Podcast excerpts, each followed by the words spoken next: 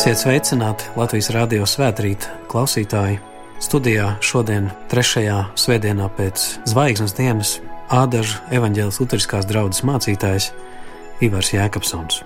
Šajā svētdienā ieklausīsimies vārdos, kas rakstīti Mateja evaņģēlī 20. nodaļā.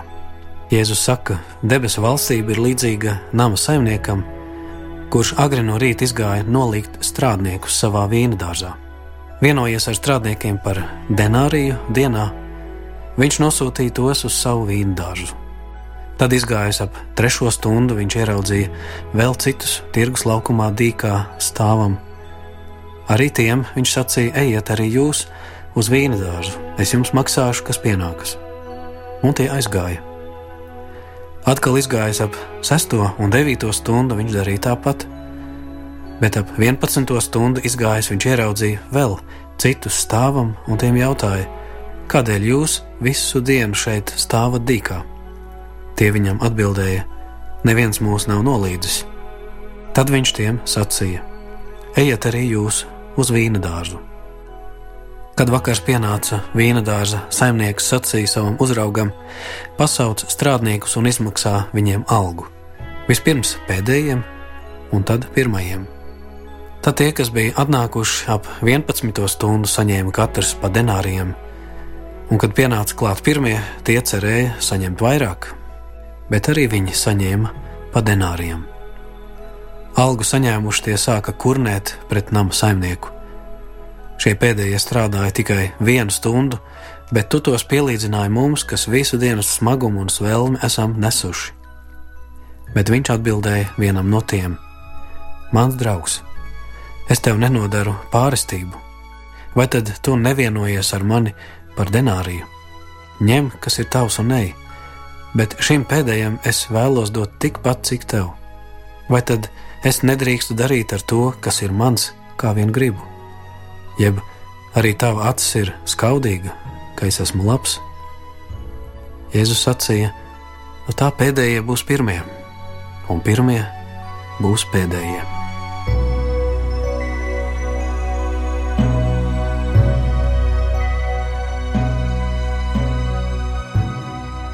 Kungs, Dievs, debes Tēvs, mēs lūdzam Tevi, svētī mūs šajā rītā. Tavs vārds, lai mūs uzrunā un stiprina, apskaidro. Tavs vārds ir patiesība. Āmen!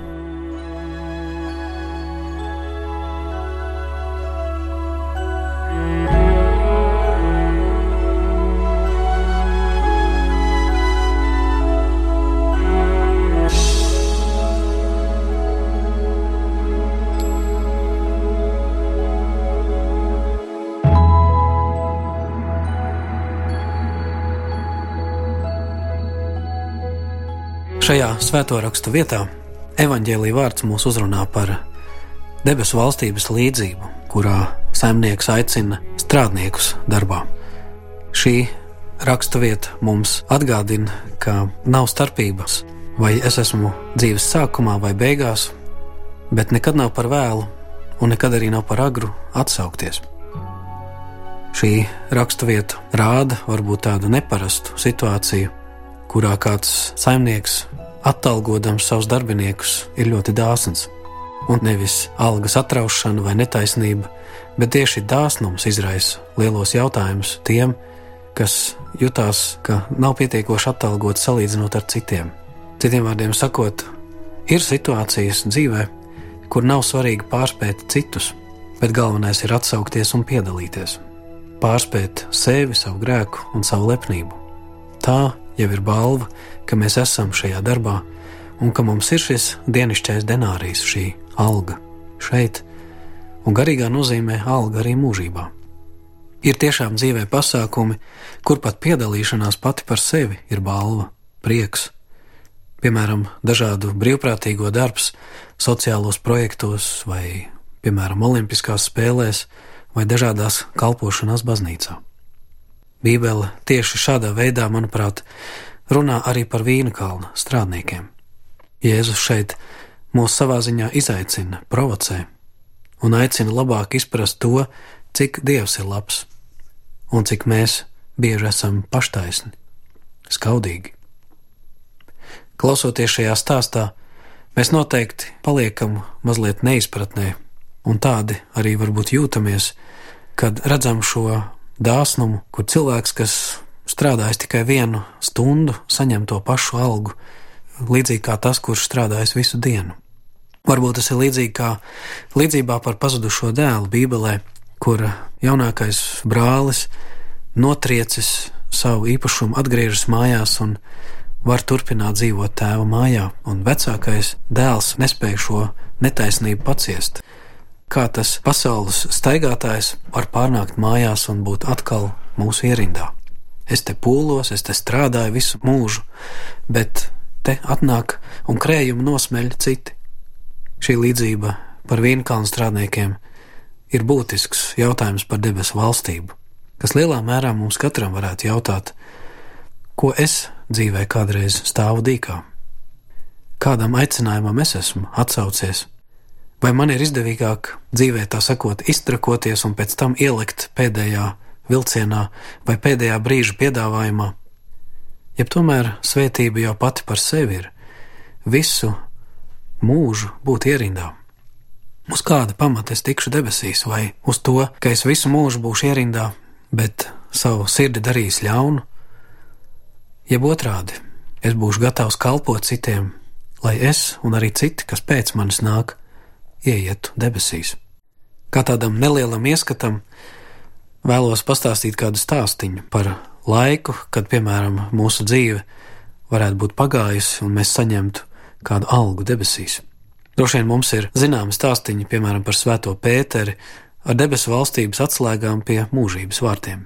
Un viens no šādiem stāstiem, fantāzijām saka, ka nu, tur pie jaunās debesis un zemes paradīzes vārtiem, kur nebūs vairs bēdu, vaidu un sāpes, stāv Pēters un gaida tos, kas no dzīves dienas gaitas vakarā pārnāk debesu tēva mājās, nostājas pie durvīm, lai tiktu iekšā.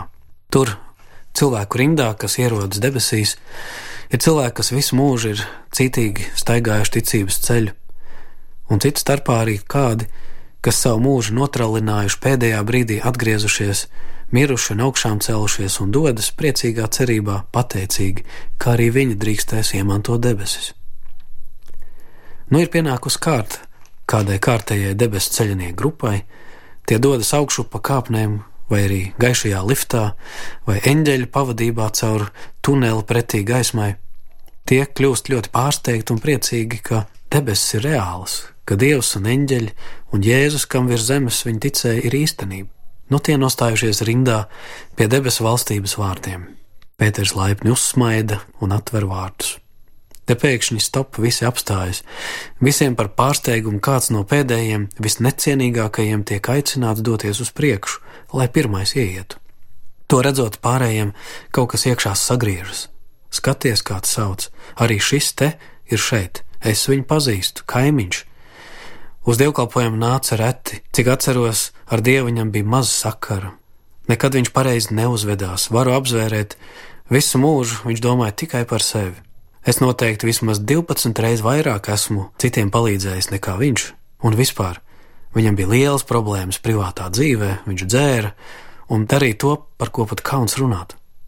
Un redzot to, ka šo palaiž pirmo, visiem sašutums. Dzirdot visu šīs apsūdzības, izzūd smaids, apdziest svētlaimīgais prieks par ieiešanu debesīs. Dažām gandrīz vai nokrīt svētuma nims no galvas. Spožums satumst un sāk jau parādīties ēnas, ka pat nodreb paradīzes vārti un grasās aizcirsties kādam svētajam deguna priekšā, jo redzi pirms vārtiem viņu ir nomākusi nepiedošana, dusmas, nosodījums, tepat pēdējā brīdī, pirms ieiešanas debesīs. Pēteris, pieredzējušais debesu valstības atslēgu glabātājs, tūlīt to pamana un mēģina glābt situāciju. Vai tiešām Dažām pat mūžībā var izrādīties liktenis palikt ārpusē savas paštaisnības dēļ, un ne jau tiem pēdējiem, bet tiem pirmajiem, jo viņa cerība nepareizi balstīta uz pašu nopelniem, un viņa motivācija darīt labi ir bijusi ambīcijas, godkāra, būt labākiem par citiem, nevis mīlestība un tīra kalpošana un vēlme, lai visi ieietu. Kas tev kaiš? jautā Pēters. Pēterim tiek paskaidrots viss, ko viņi par šo nelietīgo kaimiņu zina, un visi par viņu kā parasti zina labāk. Bet tā vietā Pēters sāk sirsnīgi un laipni smieties. Viņš saka, vai tu nezināji, ka pēdējie būs pirmie, un tie pirmie būs pēdējie? Kāpēc tu domā ļaunu savā sirdī, mans draugs? Vai tiešām tev šķiet, ka Dievs nodara pārestību, vai tad tu nevienojies ar viņu, ka kopā ar Jēzu tu būsi debesīs? Pieņem šo dāvanu, ej, bet šim pēdējam Dievs arī vēlas darīt to pašu, ko tev. Arī viņš atgriezās, arī viņš nāca pie ticības, arī viņš drīkst ieiet. Jeb tā acis ir skaudīga, ka Dievs ir labs. Nu, lūk, šāds tēlojums par notikumu pie paradīzes vārtiem saņemot debesu valstības algu, ieiešanu mūžībā. Mēs varam redzēt, kā daudzu pat ilga ticības ceļu gājēju domas var sašķobīties, redzot, kā kāds pēdējā brīdī saņem kaut ko tikpat labu, cik es. Jā, kāpēc mēs nespējam no sirds priecāties līdzi par citu laimi un veiksmi? Ka Dievs liek savai saulē spīdēt un lietum līt pār taisniem un netaisniem. Mēs varētu sacīt, nav godīgi. Tad atbilde tāda arī būtu: jā, dzīve nav vienmēr taisnīga, dzīve ir ļoti netaisnīga, bet dažreiz dzīve ir viena tāda svētības laime, ka mēs saņemam labā nozīmē to, ko neesam pelnījuši, jo tāda ir Kristus mīlestība un žēlastība. Te līdzībā jau nav arī runa par cilvēcīgu taisnīgumu bet par dieva žēlastību. Kad ir runa par mums pašiem, mums ir ļoti augsti attīstīts taisnīgums. Mēs ātri uztveram negodīgumu pret mums un pret citiem, bet kad mums tiek nodarīts pāri un iedalīts ne tā kā citiem, tad mums ir dusmas, mums ir tā sakot spūras gaisā, un paši bieži vien nepamanām savu nolaidību, savu krāpšanos un liekulību un netaisnību. Bieži pēc taisnības jautājam arī daudz vienkāršākās lietās, Kāpēc viņam, bet ne man pirmā vieta sekmēs vai atalgojumā? Es taču pūlējos vairāk. Un pie tam vēl katrs biznesa cilvēks sacīs, šāda ekonomika, kā līdzībā par vienu kalnu, ir utopija. Neviens taču tā nedara. Ir labi pieņemt darbā pēdējā brīdī, kad jāsasteidz lietas, jo pļaujamā daudz, bet nevar taču visiem maksāt vienādi. Varbūt šī līdzība būtu jālabo. Jēzus varbūt kaut ko nesaprot, Nu, kur tad viņš ir bijis, ko viņš saprot no pasaules ekonomikas? Varbūt vienīgi tuksnesī viņš ir cīnījies ar kārdinātāju, kurš piedāvāja pasaules varu un bagātību, un viņš no tās atsacījās. Varbūt būtu drusciņi taisnīgāk, ja tie, kas strādāja 12 stundas, saņemtu vienu denāriju, bet tie, kas atnāca vēlāk, it sevišķi pēdējā stundā, saņemtu vienu 12 daļu. Un varbūt šajā līdzībā tad atrisinājums būtu citādāks. Kāds strādnieks iežēlotos un sacītu, tiem nelaimīgiem, kas strādāja tikai vienu stundu, nepietiks, lai ģimeni paēdinātu. Un tad, kā žēlsirdīgais samarietis, kāds ierodas un atdod pusi savas algas. Tam, piemēram, varētu sekot visi, un būtu tā saucamā taisnīgā, žēlsirdīgā pārdalīšana. Vai tā nebūtu godīgāk? Iespējams, ka tā būtu vēl viena līdzība par to, ka kādreiz ir jādalās savā starpā jāpalīdz cits citam. Taču šī līdzība, manuprāt, nestāsta par cilvēcīgu mīlestību, taisnīgumu vai žēlsirdību. Tā runā par to, kāds ir Dievs. Jo debesu valstība nav līdzīga komunismam vai sociālismam vai kādam progresīvi orientētam kapitālismam. Tie nereti vēlas sadalīt un pārdalīt censoņu nopelnus. Šī līdzība ir par dieva valstību un dieva taisnības izjūtu un dieva mīlestību, kurš pazīst, ka neviens cilvēks nav pelnījis, ka mūsu cilvēku vājības un nespēks aizslēdz mums debesis, un ka mēs visi patiesībā, piedaloties šajā vīna kalna darbā, saņemam dāvanu, šo brīnišķīgo algu, kas dāvā mums mūžīgo dzīvību. Šī līdzība ir par tādu viena kalna šefu, kas mūs visu mūžu un katru stundu aicina savā kalnā, kalpošanā un sekošanā Jēzumam un aicina dzīties pēc debesu valstības goda kroņa un mantas debesīs. Šī līdzība saka, nekad nav par agru, un nekad nebūs par vēlu pa īstam atgriezties un nākt Dieva valstībā. Šī līdzība nestāsta par parastu vai kādu ļaunu darba devēju, ko biežāk redzam ejam vai nākam, kurš pārāk aizņemts un nesasniedzams, kurš labāk atsūta tikai kādu administratoru, kur uzdevums ir izdomāt iegānstus, lai nesamaksātu. Nē, šī līdzība stāsta par Dievu, kurš pats nāk, kurš meklē savus ļaudis pasaules tirgus laukumā, un starp daudziem, daudziem citiem reliģiskiem vai tirgus piedāvājumiem ir Jēzus, kurš saka: Nāc, ko tu te stāvi dīkā?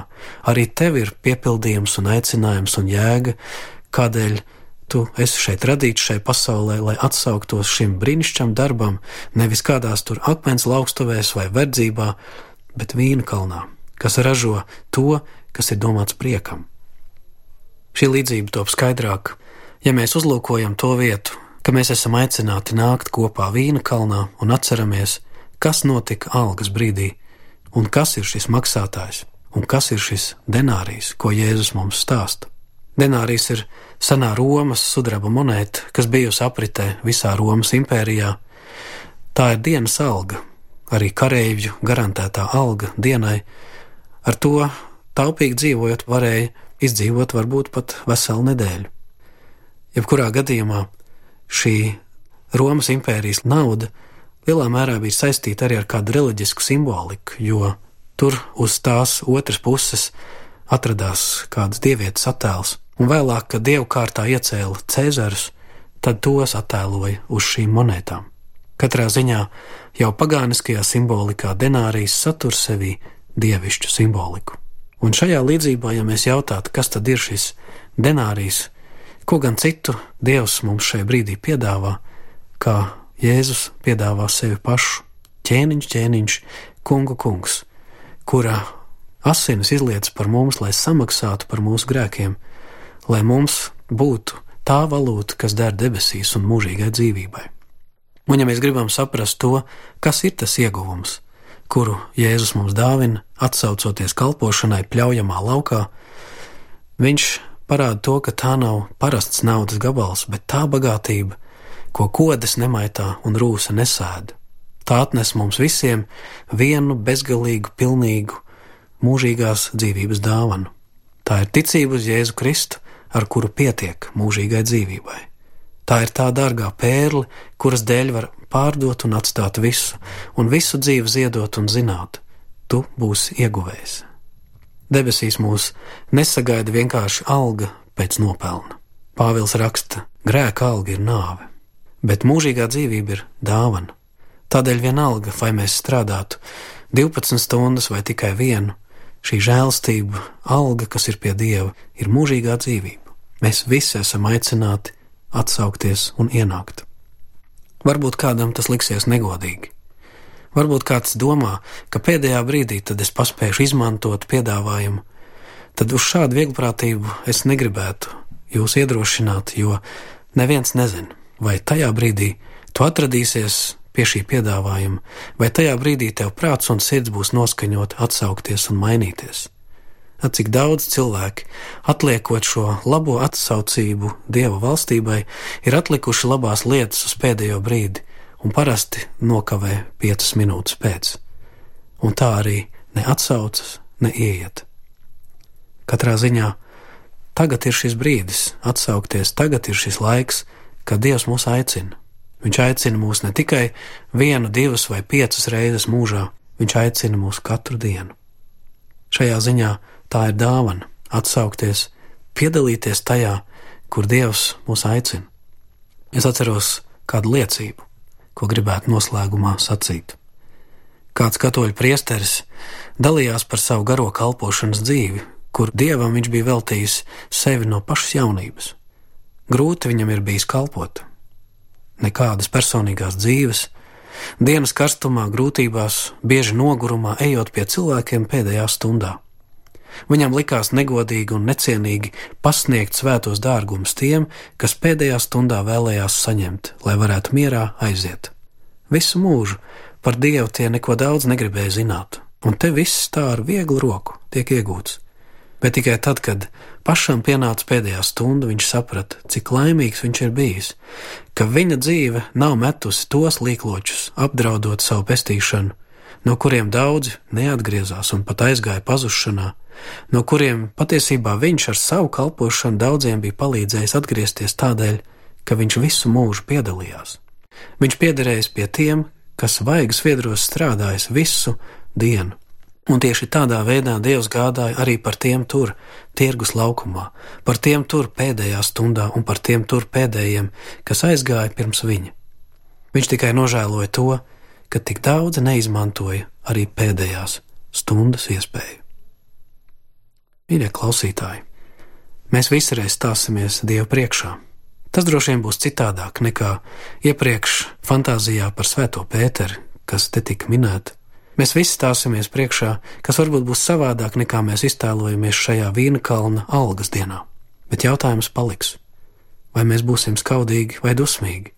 Ja kāds cits, līdzībā kā par pazudušo dēlu, nāk mājās un var atkal būt dzīvs. Un ja arī tur iespruks kāds mums kaimiņos dzīvojošais, kas mums galīgi nepatīk, tad tas vairs nebūs tas pats vecais, jo viss būs mainījies. Tas cilvēks, kurš atgriežas, tas cilvēks, kurš ieiet debesīs, ir gaismā celts. Tas ir jauns radījums Kristū. Ka tieši caur mūsu kalpošanu Dievs ir gādājis arī par tiem, kas mums nepatīk, par tiem, kuri mūsuprāt šķiet nav pelnījuši. Kalpojot gaismas un prieka, žēlstības būs vairāk. Un Dievs lai pasarga mūs no tādas taisnās spriešanas, kur Dievs spriež citādāk, ka paši nepaliekam ārpusē. Tāpēc izvēlēsimies Kristu. Viņš ir cerība visiem, gan pirmiem, gan pēdējiem. Āmen!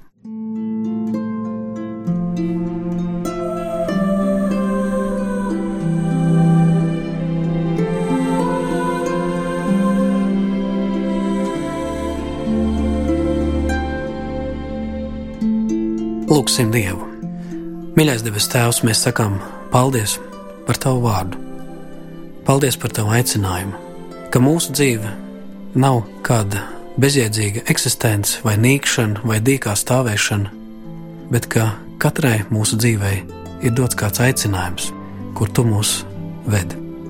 Svetī to, ka mēs atsaucamies un ieejam tavā vīna kalnā, kalpojot un strādājot, piedzīvojot žēlstību un dāvanu, saņemt Kristu mūžīgo dzīvību. Svetī to, ka visu citu pasaules tirgus piedāvājumu vidū mēs atšķiram un ieraugam to, kas tiešām ir sekošanas vērts. Jēzus, kas par mums miris un augšām cēlies, kurš atvēris mums debesis un dāvina mums dievišķo denāriju, debesu valstību, mūžīgo dzīvību, kā algu, kā dāvanu, kā svētību ticībā. Mēs lūdzam ne tikai par sevi, bet arī par tiem, kas mums līdzās. Mēs lūdzam ne tikai par mūsu tautu, bet arī par citām tautām.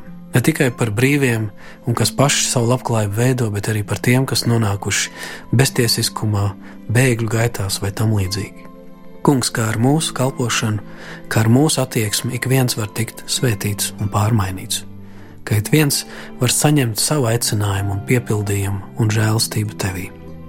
Tiešām svētī mūsu zemi un tautu, lai tava žēlstība bagātīgi piepildās pie katra no mums. To lūdzam Jēzus vārdā. Āmen!